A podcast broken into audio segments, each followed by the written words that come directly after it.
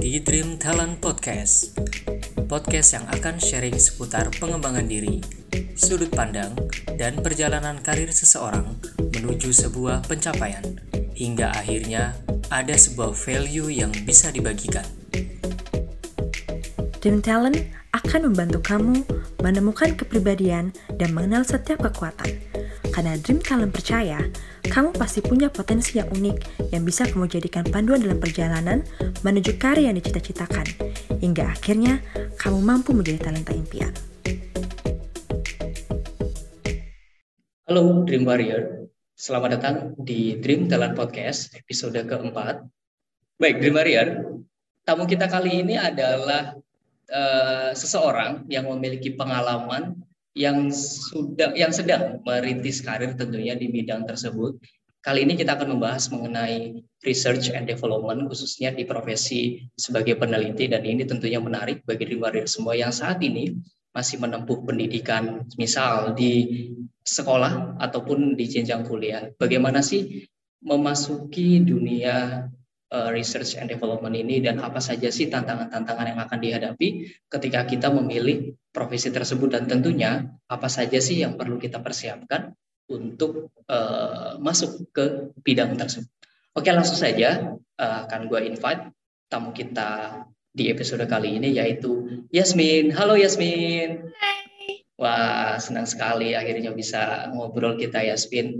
Oke Yasmin, mungkin untuk mengawali episode kita di episode keempat ini, gue penasaran atau mempersilahkan Yasmin dulu deh memperkenalkan diri, mungkin mulai dari nama, lalu apa namanya latar belakang pendidikan dan sekarang kesibukannya apa sih?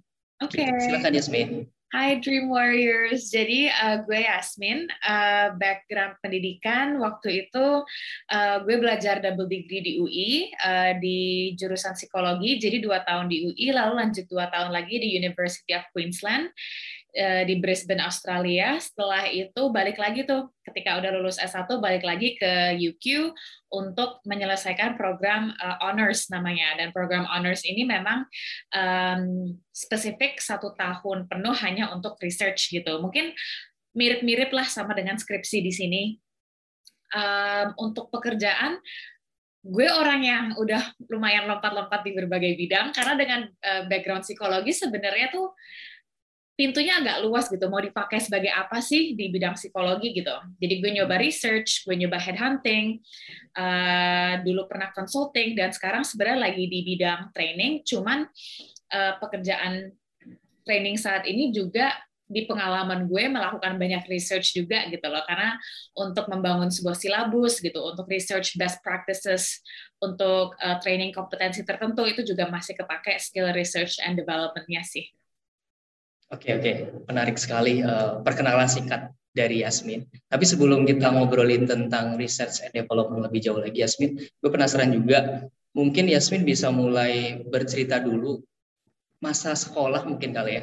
Bagaimana Yasmin ketika di sekolah, lalu tadi juga sempat uh, apa namanya mengambil pendidikan selain di Indonesia dan di luar negeri juga. Mungkin bisa sharing juga kira-kira apa sih yang menjadi perbedaan paling mencolok ketika kita melakukan atau mengambil pendidikan di Indonesia dan di luar. Mungkin okay. itu. Oke. Okay. Um, dari pengalaman gue sendiri mungkin um, oke, okay, jadi gue kan ngambilnya bidang psikologi. Mungkin kebanyakan bidang psikologi di Indonesia kalau kuliah itu fokusnya lebih aplikatif gitu. Jadi diajarin ke bagaimana administer testing, bagaimana scoring segala macam. Uh, sedangkan waktu gue di UQ psikologinya itu uh, lebih fokus ke akademik sih, jadi ke penelitian ilmiah gitu. Itu jadi skill yang diajarkan lebih fokusnya ke situ. Jadi hmm. kalau di Indonesia rasanya uh, training sebagai psikologinya itu lebih aplikatif. Kalau ketika di Australia lebih research based.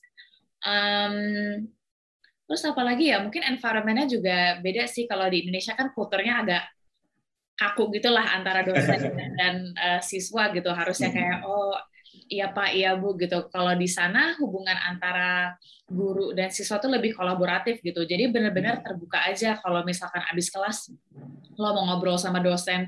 Gue itu tipe mahasiswa yang waktu itu setiap minggu pasti ngirim email ke dosen karena gue panik tentang semua tugas yang ada segala macam dan itu open gitu dosen gitu juga hmm. membuka pintu untuk kayak kalau ada pertanyaan dan gak harus uh, tidak tertutup untuk hanya mata kuliah itu aja gitu loh. Jadi kalau misalnya ada pertanyaan tentang, oh ke depannya gue mau jadi uh, orang riset di psikologi atau mau jadi psikolog, gimana ya? Ada akuenya atau tipsnya atau enggak? Itu dosen-dosen di sana juga sangat berbuka untuk terbuka untuk berbagi sih. ya, cuma itu aja. Iya, berarti dari segi dari segi ini ya.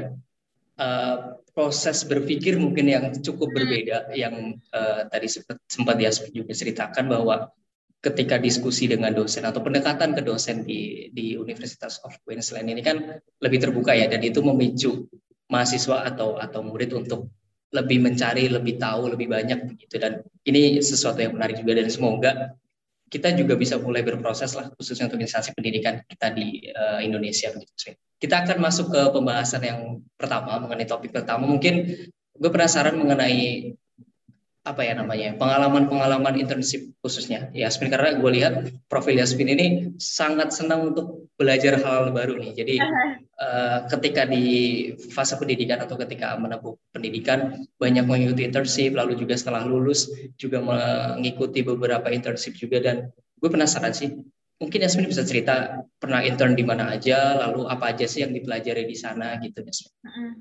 Yang paling recent sih, jadi sempat freelancing, jadi bukan uh, intern ya, freelancing di Universitas Indonesia sebagai research assistant. Waktu itu proyeknya memang ada riset kualitatif tentang persepsi uh, turis asing mengenai uh, Indonesian artifacts sebelum itu sempat internship juga di Dream Action tentunya di Research and Development uh, oh. dan itu ini bukan kayak selling atau apa ya tapi one of my best working experience sih maksudnya kayak uh, dengan dinamika timnya dinamika kerjanya kayak itu sesuatu internship experience yang sangat fun buat gue juga waktu itu Wah, berarti sempat uh, ikut intern juga ya di Dream Action. Nah, ini juga informasi untuk Dream Warriors semua bahwa Yasmin itu di tahun berapa Yasmin ketika di Dream Action? 2020 tahun oh, kemarin. tahun kemarin berarti ya. ya. Oke. Okay. Nah, mungkin sebelum kita bahas lebih jauh mengenai pengalaman di Dream Action atau internship di Dream Action ini, gue penasaran mengenai alasan atau apa sih yang mendasari Yasmin ketika memilih program internship gitu. Misalnya mengincar perusahaan A karena gue pengen A, B, C, D atau perusahaan B karena pengen A, B, C. Jadi kayak ekspektasi apa sih yang ketika Yes memutuskan untuk intern di suatu tempat gitu?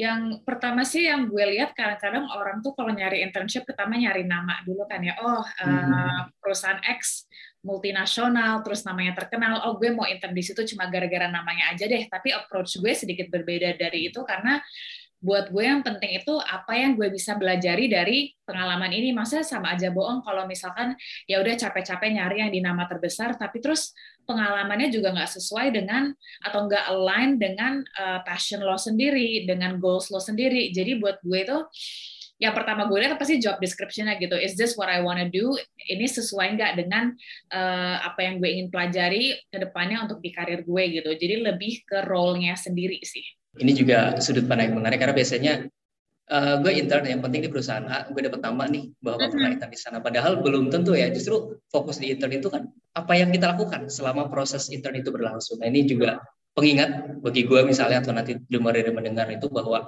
ketika masuk untuk internship di satu tempat ya dibaca dulu itu detail job desknya lalu kira-kira apakah memang cocok dengan kita atau tidak itu jadi jangan sekedar tanda kutip brand dari perusahaannya saja tapi juga apa yang akan kita pelajari di dalamnya. Setuju banget. Dan maksudnya cuma gara-gara suatu perusahaan itu bukan perusahaan top four atau apa, doesn't mean they don't have anything to offer you gitu.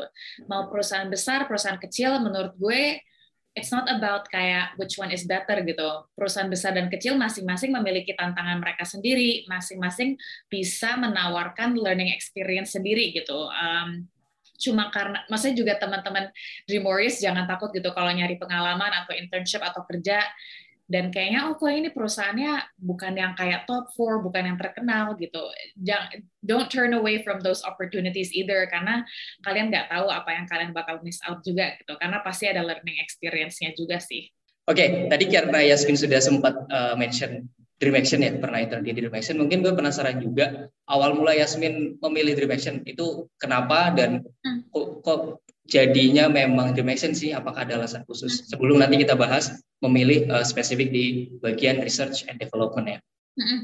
Jadi pertama yang kayak gue bilang tadi, gue tertarik dengan role-nya gitu, ngelihat research and development dan di perusahaan yang mengemukakan psikometri gitu. Itu bukan sesuatu yang dari pengalaman gue uh, gampang dicari di Indonesia gitu loh. Mungkin ketika di Australia bidang riset itu bidang yang sudah sangat diapresiasi oleh masyarakat gitu. Banyak investment yang masuk ke sana di Indonesia. Menurut gue bidang research itu belum bukan belum berkembang tapi ya orang-orang masih belum mengapresiasinya, masih belum kayak naruh investment yang sebesar itu. Jadi menurut gue waktu itu oke okay, gue tahu ketika udah kelar kuliah gue tuh nggak mau praktek sebagai psikolog tapi mau jadi researcher psikologi gitu dan untuk mencari pekerjaan research based di luar akademia gitu di luar lo mau menjadi dosen hmm. gue rasa agak sulit uh, di Indonesia waktu itu. Terus waktu itu ngelihat uh, job ad di mana gitu ada tuh tentang dream action dan research and development. Dan gue tertarik tuh wah ini perusahaan yang bisa offer research and development role uh, menggunakan psikometri pula. Dan ketika gue look deeper into the company values-nya juga align gitu yang mereka mengomongkan uh, compassion, action. Jadi yang awalnya role-nya aja yang menurut gue ini nih yang gue cari-cari yang susah didapat di Indonesia. Lalu melihat company-nya bergerak di bidang apa, kayak human analytics dan psikometri dan again nggak belum banyak perusahaan di Indonesia yang bisa offer the same service, lalu values-nya juga cocok dengan apa yang gue inginkan sebagai uh, employee gitu. Jadi gitu sih. Thank you Yasmin. Uh, tadi memang uh, proses research and development ini yang menjadi ketertarikan Yasmin tentunya. Tentu dengan pendekatan psikometrik tadi yang jujur gue juga uh, masih cukup awam dan pasti banyak orang yang masih belum uh, mengerti apa itu psikometrik dan segala macamnya. Makanya memang itu menjadi sesuatu daya tarik juga bagi Yasmin. Balik ke Dream tadi, selama proses internship berlangsung, uh, apakah ekspektasi awal Yasmin dengan proses berjalannya internship itu sejalan. Dan kira-kira setelah lulus atau setelah selesai program itu apa saja yang didapatin Yasmin untuk pengembangan karir Yasmin tentunya? pertama-tama yang gue cari sih, gue inget banget tuh waktu the, uh, interview sessionnya juga, ya gue bilang sebenarnya right now gue cuma mencari learning experience aja. Karena saat itu gue baru kerja sekali sebelum dan itu cuma uh, sekitar empat bulan. Jadi apa ya pelajaran yang gue dapat kurang dalam gitu jadi at that time gue masih sangat mementingkan dan memprioritaskan learning experience-nya terutama ini juga learning experience yang uh, nyambung dan align dengan passion gue, dengan aspirasi karir gue. Uh, jadi ya salah satu alasan terbesarnya itu. Uh, dan setelah kelar, pertama-tama yang gue belajar tuh adalah ya sudah melihat end-to-end proses uh, dari research and development untuk uh, produk psiko, uh, psikometri gitu, yang diawali dengan lead review, uh, lalu kita um, mencoba mencari beberapa kayak bentuk skala, lalu kita hypothesis testing, lalu kita ada pilot testingnya juga, lalu kita come up with items. Jadi end-to-end process of the research and development process itu sih yang paling gue pelajari karena sebelumnya gue nggak tahu kan kayak end-to-endnya tuh kayak gimana kelihatannya. Uh, dan gue tuh juga orang yang sangat panikan kalau membuat kesalahan gitu. Uh, tapi gue ingat ketika internship gitu, karena gue mikirnya kayak ketika lo mem, apa ya mengeluarkan suatu produk you have to get it right the first try gitu. Gue merasa gue naruh pressure itu juga ke diri gue sendiri. Tapi di Dream Action dan selama internship, terutama di research and development, gue pelajari bahwa there's no such thing as like the perfect product. Pasti lo akan evaluasi ulang, ulang, ulang lagi dan that doesn't mean you're stupid gitu. Memang itu alur jalan prosesnya aja gitu bahwa ketika mm-hmm. mengembangkan sebuah produk nggak mungkin pertama kali lo keluarkan itu langsung sempurna, langsung the best scale atau the best test you've ever make. Pasti ada room for improvement and that's a good thing gitu. Menarik Yasmin karena selain proses pembelajaran juga itu sebenarnya lebih ke fundamental atau mindset kita ya bahwa apa pun deh selain produk deh kita untuk mencapai sesuatu kan nggak bisa langsung boom sukses gitu jadi memang perlu improve improve dan improve hingga pada akhirnya memang orang mengira kita beruntung tanda kutip padahal ada proses di balik itu. Mungkin uh, kita agak sedikit flashback lagi ke belakang mengenai tadi ketertarikan uh, di bidang penelitian atau research. Jadi pertama kali Yasmin mengenal diri, oh gue suka nih sama dunia penelitian nih. Itu kapan? Terus apa sih yang menjadi tanda-tandanya gitu kalau misal Dreamer Dear bahwa juga penasaran, jangan-jangan gue kayak Yasmin nih, gue hmm, mungkin hmm. punya ketertarikan dengan dunia tersebut gitu Yasmin. Uh, gue akan mulai dengan bilang bahwa biasanya orang-orang kalau masuk psikologi itu end goal-nya adalah untuk menjadi psikolog gitu. Ya iyalah gitu. Uh, jadi awalnya ketika gue masuk kuliah psikologi pun gue kira gue akan jadi psikolog gitu. Gue kira hmm. that's the career I want. Terus waktu itu lagi ngerjain tugas kuliah yang memang research based gitu. Kalau nggak salah lagi disuruh bikin alat ukur baru hmm. apa pun deh terserah uh, tapi harus kayak bikin proposal lagi gitu dari lit reviewnya lalu kayak kenapa alat ukur ini dibutuhkan bagaimana cara lo mengukur uh, konstruk ini segala macam pokoknya gue tuh lagi lit review yang sedalam-dalamnya yang bener-bener kayak baca berapa paper dan gue berhenti dan gue merasa kayak man I love this gitu, I love this process. Gue nggak mau praktek jadi psikolog malah. Karena gue lagi ngerjain tugas dan saat itu gue kayak kayaknya gue nggak mau deh yang kerjaannya yang kayak ketemu orang tiap hari terus kayak ngobrol sama mereka gue suka nih proses apa ya kayak solving the problem gitu hmm. ketika apalagi waktu itu dikasih ruangan bebas untuk ya udah ciptakan alat ukur apa pun yang kalian mau bikin proposalnya. Itu proses end to endnya dari yang kayak uh, baca-baca literatur reviewnya untuk uh, tahu kayak oh konstruk ini selama ini diukurnya kayak gimana sih? Udah ada nggak alat ukur yang lain yang mengukur konstruk ini? Dan kenapa ini penting untuk diukur gitu? Proses apa ya building bottom to top itu gue senang banget sih dan gue merasa passionate gitu. Karena itu mungkin membuat gue merasa ada validasi juga yang kayak eh lo bisa juga ya mikir jauh gitu buat gue yang funnya itu gitu gue kayak oke okay, gue bisa gue bisa memikir kritis, gue bisa memikir analitis, dan itu rewarding buat gue gitu. Uh, dan rasanya juga sangat seru gitu. Lo menemukan sesuatu yang baru, dan apalagi rasa ketika lo kayak mengembangkan suatu ide yang baru yang belum pernah diadres di paper atau dipikirkan oleh kayak um, uh, apa ya akademik lain ya itu kayak mm-hmm. validasi bahwa kayak oke okay, kayak lo bisa melakukan ini dan you have a unique opinion and perspective to deliver uh, jadi gitu sih kalau buat gue Ya, jadi mulai muncul ketertarikan itu ketika langsung mengerjakan apa ya sebuah tugas kali ya. Mungkin proses itu tiba-tiba merasa oh gue enjoy nih iya. ketika mengalami ini. Bahkan mungkin ya biasanya ketika udah enjoy memang ketika ketemu masalah atau problem biasanya langsung ngerasa itu bukan masalah sih lebih kayak gue penasaran nih gimana nih caranya kelar nih gitu. Benar, itu benar. itu Yasmin rasain juga itu. Benar, ada nggak kira-kira pengalaman yang stuck nih gue di bagian ini tapi terpacu untuk benar-benar nyari solusinya? Masih ada nggak satu case mungkin yang Yasmin ingat? Uh, waktu itu mungkin balik lagi ke tugas yang itu yang disuruh bikin alat ukur. Awalnya sih ya semua tugas kuliah pasti bawaannya stres lah ya. Tapi waktu itu gue inget gue kayak gue bikin apa ya? Gue mau mengukur apa? Awalnya ide pertama gue itu untuk mengukur uh, kemampuan guru-guru untuk mengajar gitu loh. Mungkin ada alat ukur objektifnya gitu loh. Jadi kita hmm. juga bisa mengevaluasi performa guru.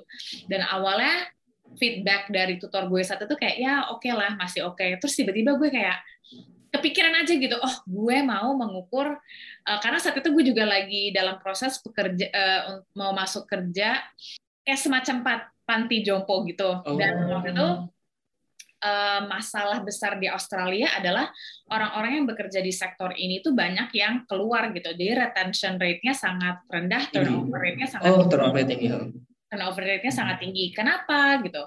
Uh, oh ternyata gara-gara mereka tuh terekspos stres yang sangat besar. Iyalah mereka tiap hari harus kayak melayani uh, residence-nya dan kayak they have to deal with a lot of death segala macam. Itu pasti memicu stres gitu loh. Jadi uh, dengan problem itu mungkin bisa nih gue mengembangkan alat ukur yang bisa mengukur readiness-nya seorang pekerja panti jompo sebelum mereka masuk gitu terus ya udah kayak ya itu mulai dari proses kayak uh, finding the problem dulu um, apa sih kebutuhannya di Australia gitu. Terus exciting aja gitu kayak oke okay, oke okay, I can help crack this problem. Dan ketika gue ngasih uh, briefnya ke tutor gue dia lebih yang kayak oke okay, ini lebih bagus dibanding yang ide awal lo yang kayak tentang mengukur performa guru di sekolah gitu loh. Karena waktu itu gue juga masih rada gak jelas pemikirannya mau gimana gitu.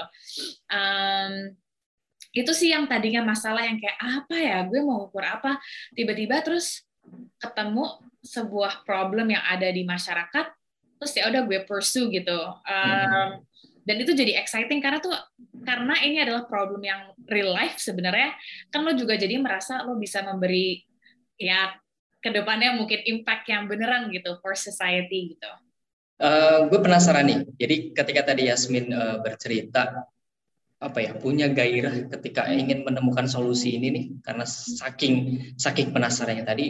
Tapi apakah ada nih sebelum menemukan itu, sebelum menemukan uh, passion tersebut anggaplah begitu, aktivitas-aktivitas apa sih semasa sekolah deh kita tarik belakang dikit lagi yang menunjang atau mempertemukan Yasmin dengan uh, ketertarikan tersebut. Mungkin ini Dream Warrior penasaran juga, apalagi misal pendengarnya adalah masih pelajar sekolah. Apakah Yasmin dulu punya aktivitas ekskul apa misalnya yang mengarah ke bidang penelitian tadi? Waktu itu sempat volunteer jadi researcher, jadi ada proyek uh, di Australia namanya tuh Safe Schoolies. Jadi sebenarnya itu inisiatif pemerintah. Uh, jadi sebenarnya kalau di Australia itu ketika anak-anak lulus SMA ada this social event namanya schoolies lah di mana mereka uh, ya kayak berliburan bareng gitu semua anak-anak tiga SMA tuh ngumpul uh, di dari sekolah mana pun dan mereka kayak ya do their thing lah party or whatever. Dan di saat itu tuh banyak kejadian insiden uh, ya banyak celaka lah. Masa ya anak-anak yang kayak baru dilepas gitu. Mereka mungkin reckless dan yang kita inginkan tuh bagaimana kita bisa improve the safety uh, dari program ini. Jadi saat itu kita mengukur kayak risk taking behaviornya siswa-siswa yang datang uh, dan bekerja dengan beberapa apa ya pihak pemerintah juga agar bisa uh, again improve the safety of the schoolies program. Um, terus saat itu tuh pertama kali gue field research tuh yang kayak hmm. partisipan, nanya-nanya, dan gue orangnya agak agak sedikit gue punya sedikit social anxiety lah gue nggak suka gitu hmm. disuruh kenalan sama orang baru. Menurut gue itu bener yang kayak hal yang memalukan. Menakutkan ya?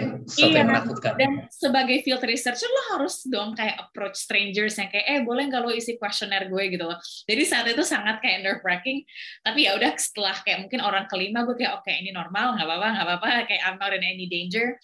Terus uh, setelah itu datanya juga diproses segala macam dan itu juga kayak menunjukkan gue lagi nih kayak lewat research lo tuh bisa membuat impact yang besar di masyarakat gitu loh. Uh, apa yang lo apa ya penelitian lo tuh bisa bersifat aplikatif sehingga membantu uh, improve the lives or programs of other people gitu. Benar sih, pada akhirnya memang pengalaman-pengalaman sebelumnya, akumulasi dari pengalaman tadi yang membentuk Yasmin punya ketertarikan, pada akhirnya punya kemampuan dan berkarir di bidang tersebut. Nah, ngomongin tentang karir Yasmin, gue juga jadi penasaran. Mungkin Yasmin bisa sharing, mm-hmm. kira-kira apa sih yang perlu kita persiapkan atau di luar yang persiapkan ketika ingin memasuki bidang karir di research and development misalnya, baik itu soft skill atau hard skill yang bisa kita mulai nih, misal gue masih SMA gitu, udah mulai SMA, mumpung masih SMA, belajar ini aja soft skill atau hard skill. Mungkin dari Yasmin ada yang bisa diceritakan pengalaman Yasmin?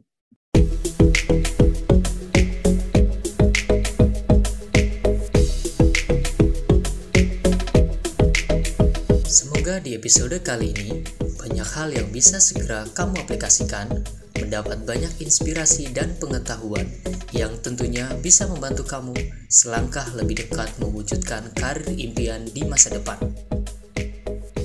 Terima kasih buat kamu yang telah mendengarkan Dream Talent Podcast. Follow at dreamtalent.id untuk update seputar karir impian dan kunjungi blog dreamtalent.id untuk insight menarik lainnya. Sampai jumpa di episode berikutnya.